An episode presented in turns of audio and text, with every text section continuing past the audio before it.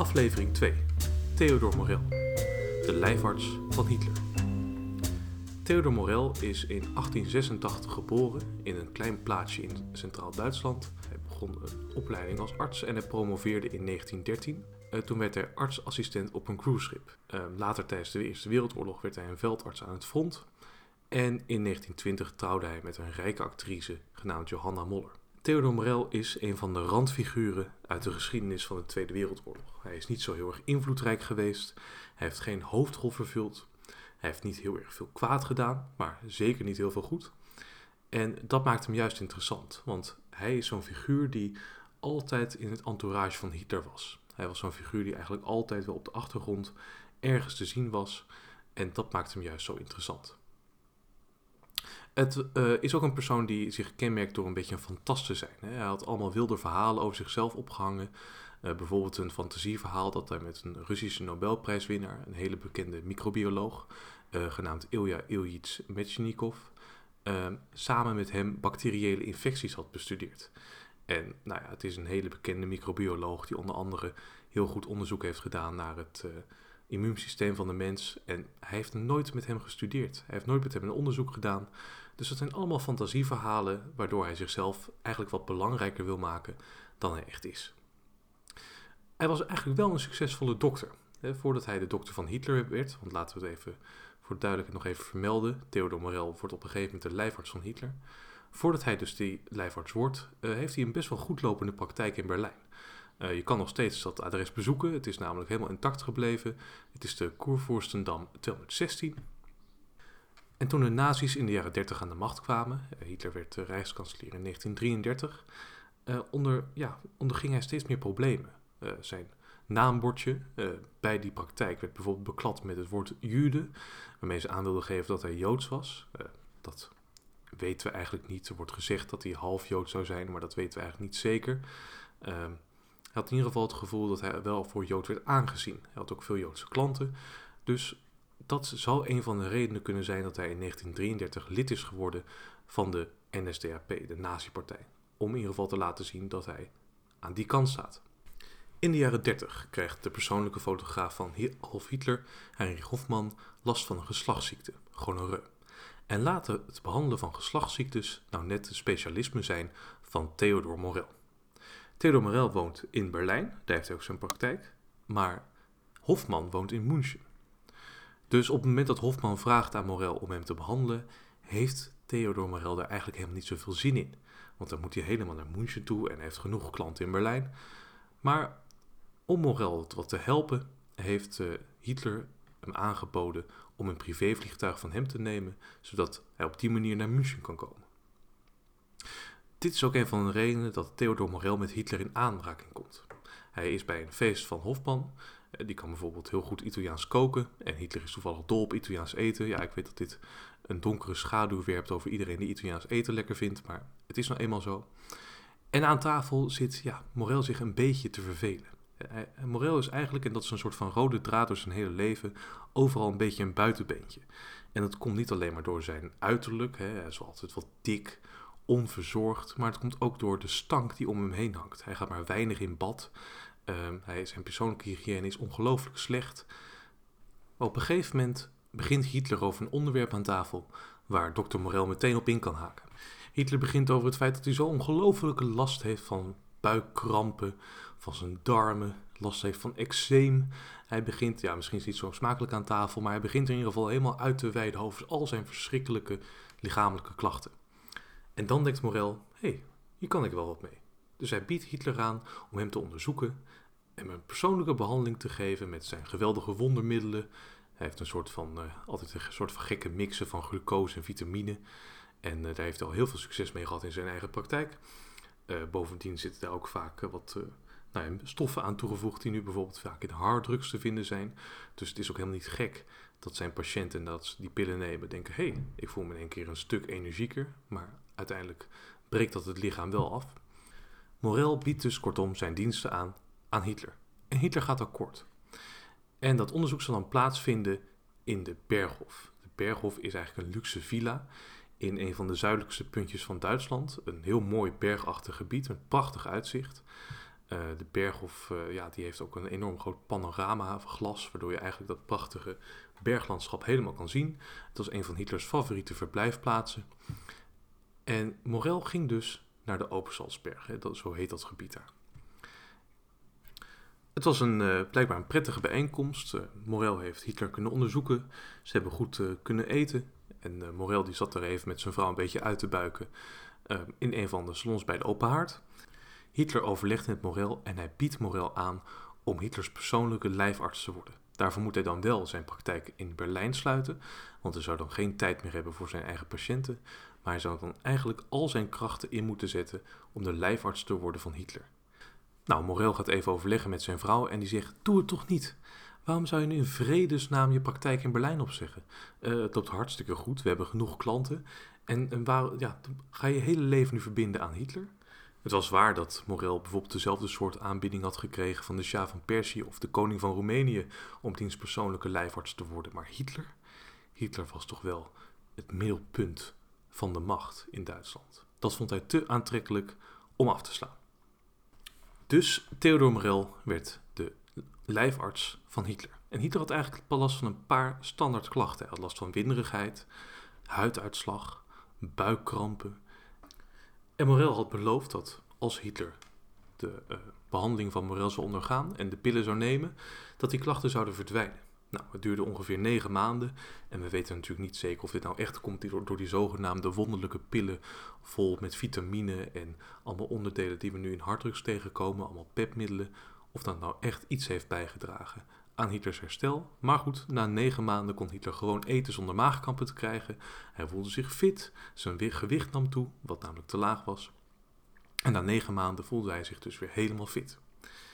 Hitler was blij dat hij was genezen en hij wilde Morel heel graag een cadeau doen. Morel kreeg eerst VIP-kaartjes voor de partijdag in Nuremberg. Nou, hartstikke mooi natuurlijk, maar later kon Morel ook zonder problemen een enorme lening afsluiten bij Hitler, zodat hij een enorm groot huis zou kunnen kopen.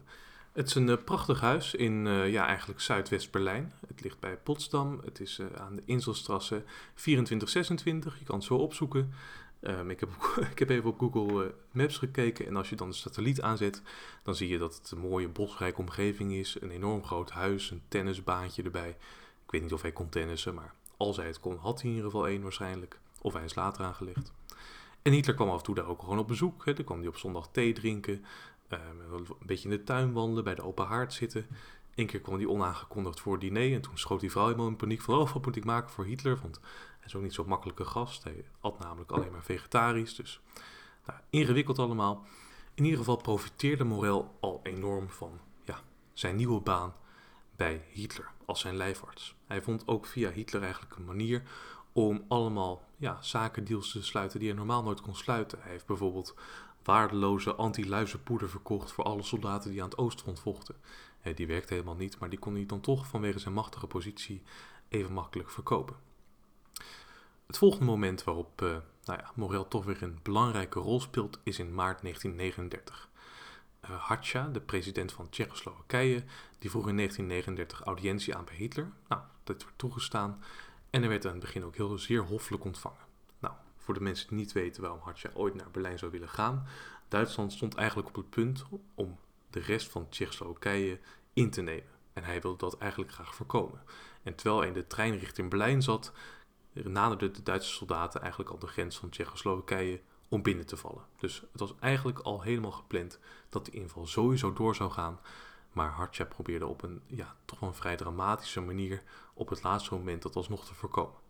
Hij ging naar Berlijn, hij uh, kreeg een mooi ontvangstcomité, een erewacht. Hij kreeg een van de mooiste suites van het Adlon Hotel. Dat is een hotel in het centrum van Berlijn, in de buurt van de Brandenburger Tor. Daar kan je nog steeds naartoe. Het is nu alleen een soort van uh, ja, Playmobil-achtige versie van het origineel, want dat is helemaal kapot geschoten. In ieder geval, werd in het begin heel erg aardig ontvangen. Maar dat werd dan steeds een stukje minder aardig. Hij moest heel lang wachten. Hitler ging ook gewoon nog rustig even een nieuwe film opzetten en die uitgebreid zitten kijken. En die ging daarna nog even een theetje drinken. En hij liet ja, Hartja enorm lang wachten. Die uh, moest bijvoorbeeld wachten bij de Rijkskanslei. Dat is een enorm ja, soort van paleis midden in de stad. En dan uh, wilde hij een sigaretje opsteken, want hij was een hele verslaagde roker, maar dat mocht dan weer niet. Oftewel, hij merkte al dat hij steeds minder vriendelijk werd ontvangen. Ehm, op een gegeven moment, ergens rond middernacht, uh, liet Hitler hem binnen. Nou, er kwam al snel een onaangenaam gesprek, zeer intimiderend. Ehm, hij werd eigenlijk voor de keus gesteld dat bij medewerking de Duitse troepen het land op een rustige manier zouden binnentrekken en de Tsjechoslowaken toch wel een beetje vriendelijk behandeld werden. Maar als Hatsja zich zou verzetten, als de Tsjechoslowaken de wapens oppakten tegen de Duitse soldaten, dan zou Tsjechoslowakije met alle middelen worden vernietigd. Er zouden bombardementen op Praag plaatsvinden en al het verzet zou met de grootst mogelijke vorm van geweld worden neergeslagen. Hartje was een ja, vrij oude, fragiele man. Hij was een hartpatiënt. Hij uh, had een heel zwak hart. En Hitler was zo enorm aan, tegen hem aan het schreeuwen dat het op een gegeven moment voor hem begon te duizelen en er neerviel op de grond van de Rijkskanslei. En toen brak er paniek uit. Want iedereen dacht, wat als die man nu is overleden? En er staat morgen in de krant, president van Tsjechoslowakije overleeft bezoek aan Hitler niet. Dan denkt iedereen natuurlijk dat hij hier is vermoord. Dus ze raakte in paniek, maar gelukkig was daar dokter Morel. En dokter Morel had de nodige petmiddelen weer bij zich. En hij stak een injectie in Hartja, wat eigenlijk, nou ja, als we kijken naar wat de inhoud daarvan was, dan uh, heeft dat meer te maken met amfetamine dan een aspirintje. En Hartja kwam bij. Dus op die manier tekende Hartja alsnog voor de overgave van Tsjechoslowakije en de Duitse troepen, die sinds zijn treinreis naar Berlijn al waren genaderd, konden in alle rust Tsjechoslowakije binnenvallen. Hartje pleegt nog even een telefoontje van jongens, jullie hoeven niet te verzetten. Maar dat was het. En dat was dus een van de momenten dat Morel eigenlijk een belangrijke rol heeft gespeeld. Maar de tijden veranderen. Vanaf 1940 is de oorlog in volle gang en Morel voelt zich toch een beetje ongemakkelijk. Hij reist namelijk de hele tijd met Hitler mee, zodat hij Hitler op elk moment weer van de nodige medicijnen kan voorzien. Op een gegeven moment slikt Hitler ja, 30 verschillende soorten medicijnen, wordt er ook wel gezegd. Wat er van waar is, weten we niet zeker, maar hij moest in ieder geval altijd met Hitler meereizen. En als hij met Hitler meereisde, dan kwam hij vaak in de omgeving van hoge militairen, verschillende generaals, die hadden allemaal mooie uniformen aan. En Morel liep er zelf maar bij in een soort van, ja, saai jasje. Dus hij bedacht voor zichzelf een leuk uniform, zodat hij er ook een beetje bij zou passen. Hij had een soort van zelfbedacht grijs uniform, wat er dan wel heel militair uitzag. Hij had zelf allemaal gouden versierselen bedacht. Ehm, bijvoorbeeld met afbeelding van de, Griekse god van de geneeskunde als Klepios. Ehm, en hij waagde het ook nog op een gegeven moment om een gesp van de SS te dragen. Nou, toen werd het iedereen wel te veel. Dat mocht hij dan niet doen. Maar hij probeerde er ook een beetje bij te horen. Hij had ook naar zijn vrouw brieven geschreven van... ach, ik zit hier helemaal alleen en niemand praat met me, alleen Hitler. En als Hitler hier niet was, was ik er al lang weg geweest. Nou goed, het oorlogsleven van Morel was begonnen... en dat zou duren tot in de bunker in Berlijn. Hij kreeg ook allemaal bijnamen. Niemand vond hem nou echt heel erg indrukwekkend. Hitler was eigenlijk de enige in zijn gezelschap die achter Morel stond. Hij vond dat hij geweldige revolutionaire medische inzichten had. Maar Keuring noemde bijvoorbeeld hem de Rijksspritsenmeister. Dat houdt zoveel in als de, uh, de grote spuitzetter. Zowel Himmler, Keuring en Eva Braun, de, de vriendin van Hitler in die tijd, hadden een enorme hekel aan deze Morel.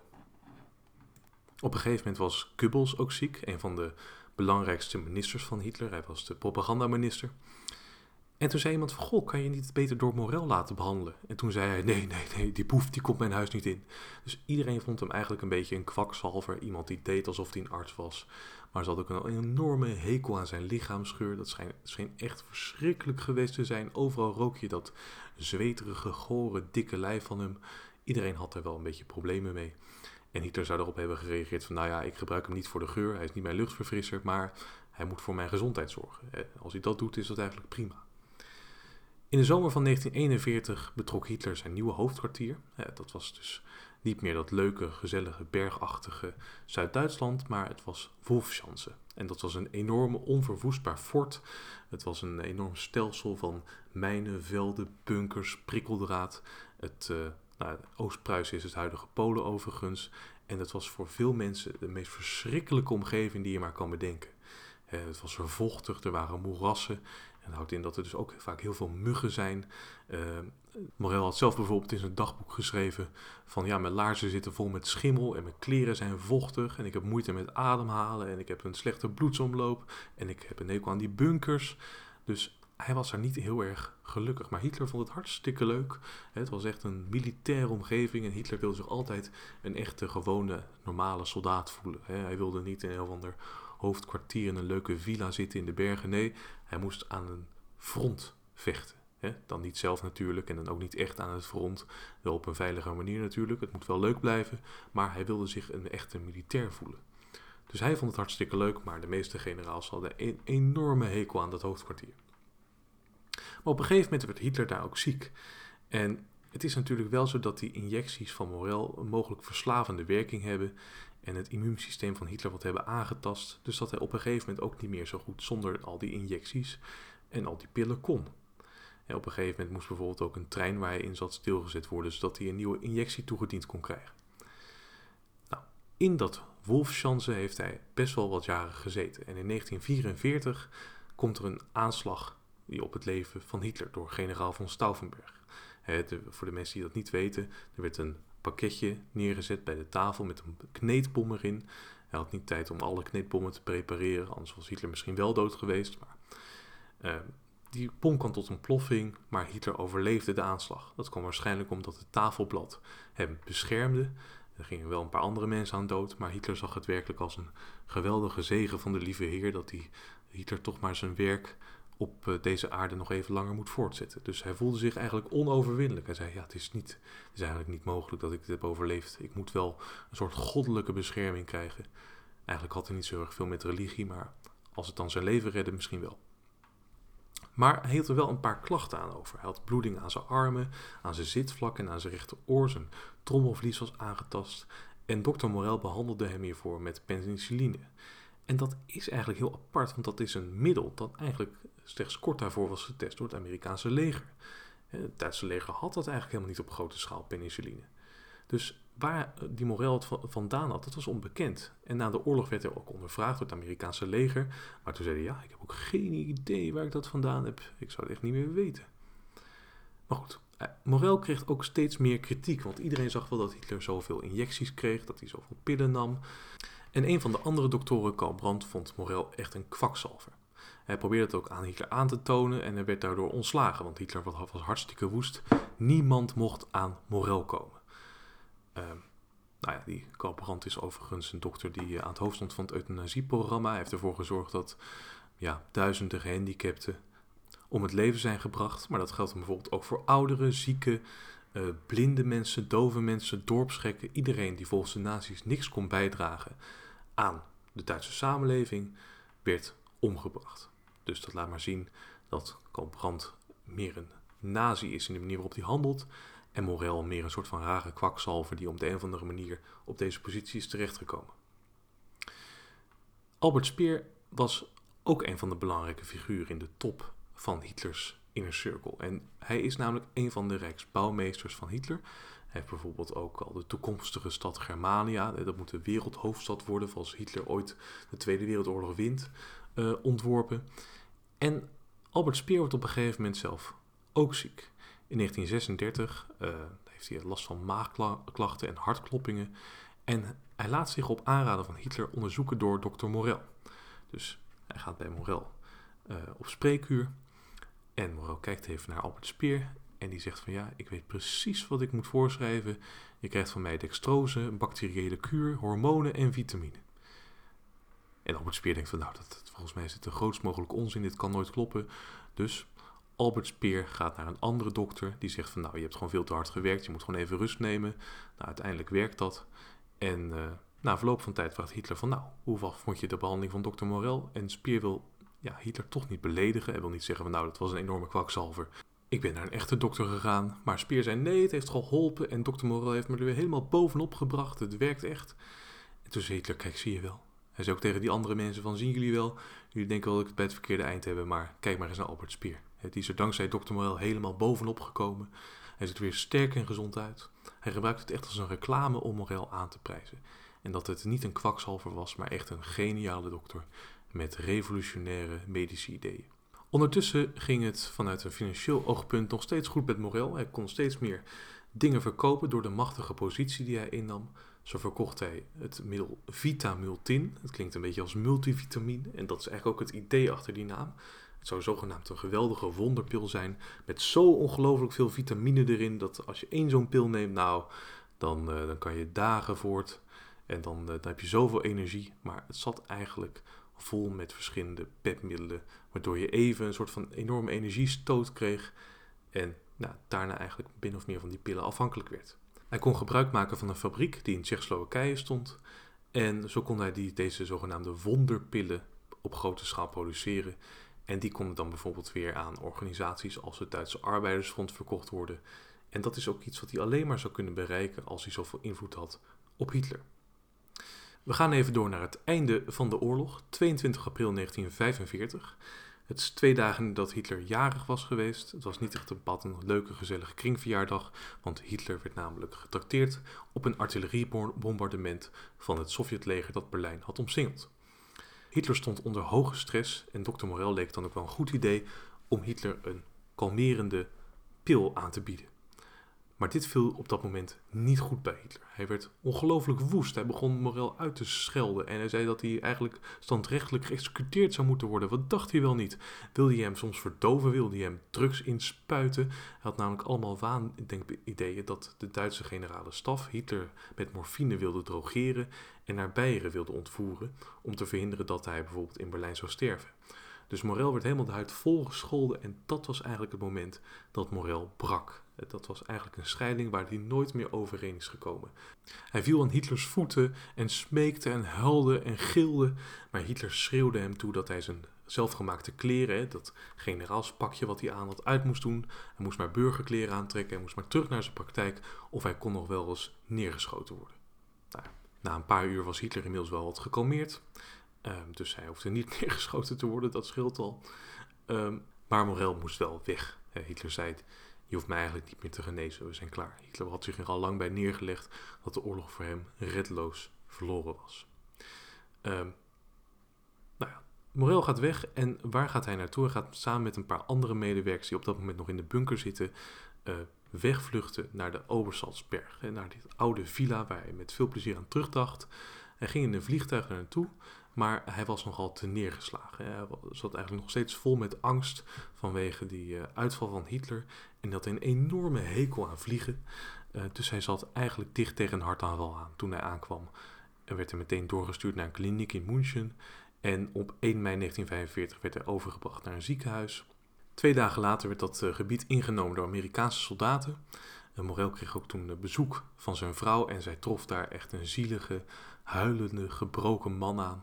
Hij is later ook beschreven als een, uh, als een soort van hond die zijn baasjes verloren. Zo lag hij daar een beetje. Hij is nooit meer echt bovenop gekomen. En een paar dagen later kwamen er ook een paar Amerikaanse soldaten langs. Die waren al natuurlijk best wel wat interesse in de privéarts van Hitler, wat voor informatie die had. Um, maar tot die tijd werd hij even opgesloten in een cel. En hij kwam samen in een cel terecht met zijn grote rivaal Karl Brandt, de dokter van Hitler, die eigenlijk de hele tijd tegen Hitler zei van ja, je moet die Morel niet vertrouwen, dat is een enorme kwakzalver.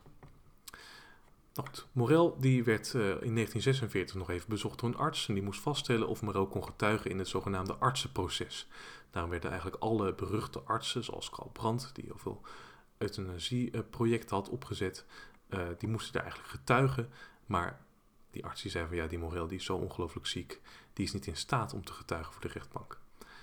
In 1947 werd hij uit uh, het voormalige kamp Dachau, waarin hij werd opgesloten, vrijgelaten. Hij kreeg een ontslagbrief mee en daarin werd hij vrijgesproken van oorlogsmisdaden. Hij was dan wel een dokter, maar hij had zelf geen oorlogsmisdaden begaan. Hij kreeg alleen maar een afgedankte Amerikaanse legerjas mee, een paar sokken. Die waren allemaal een paar maten te klein en dat is nogal vernederend natuurlijk. Als je eerst een fantastische dokter was met zelfgemaakte uniformen met Griekse goden erop. En nu loop je met een paar afgedankte Amerikaanse sokken en een te krap jasje waardoor je dikke buik nog meer uitsteekt.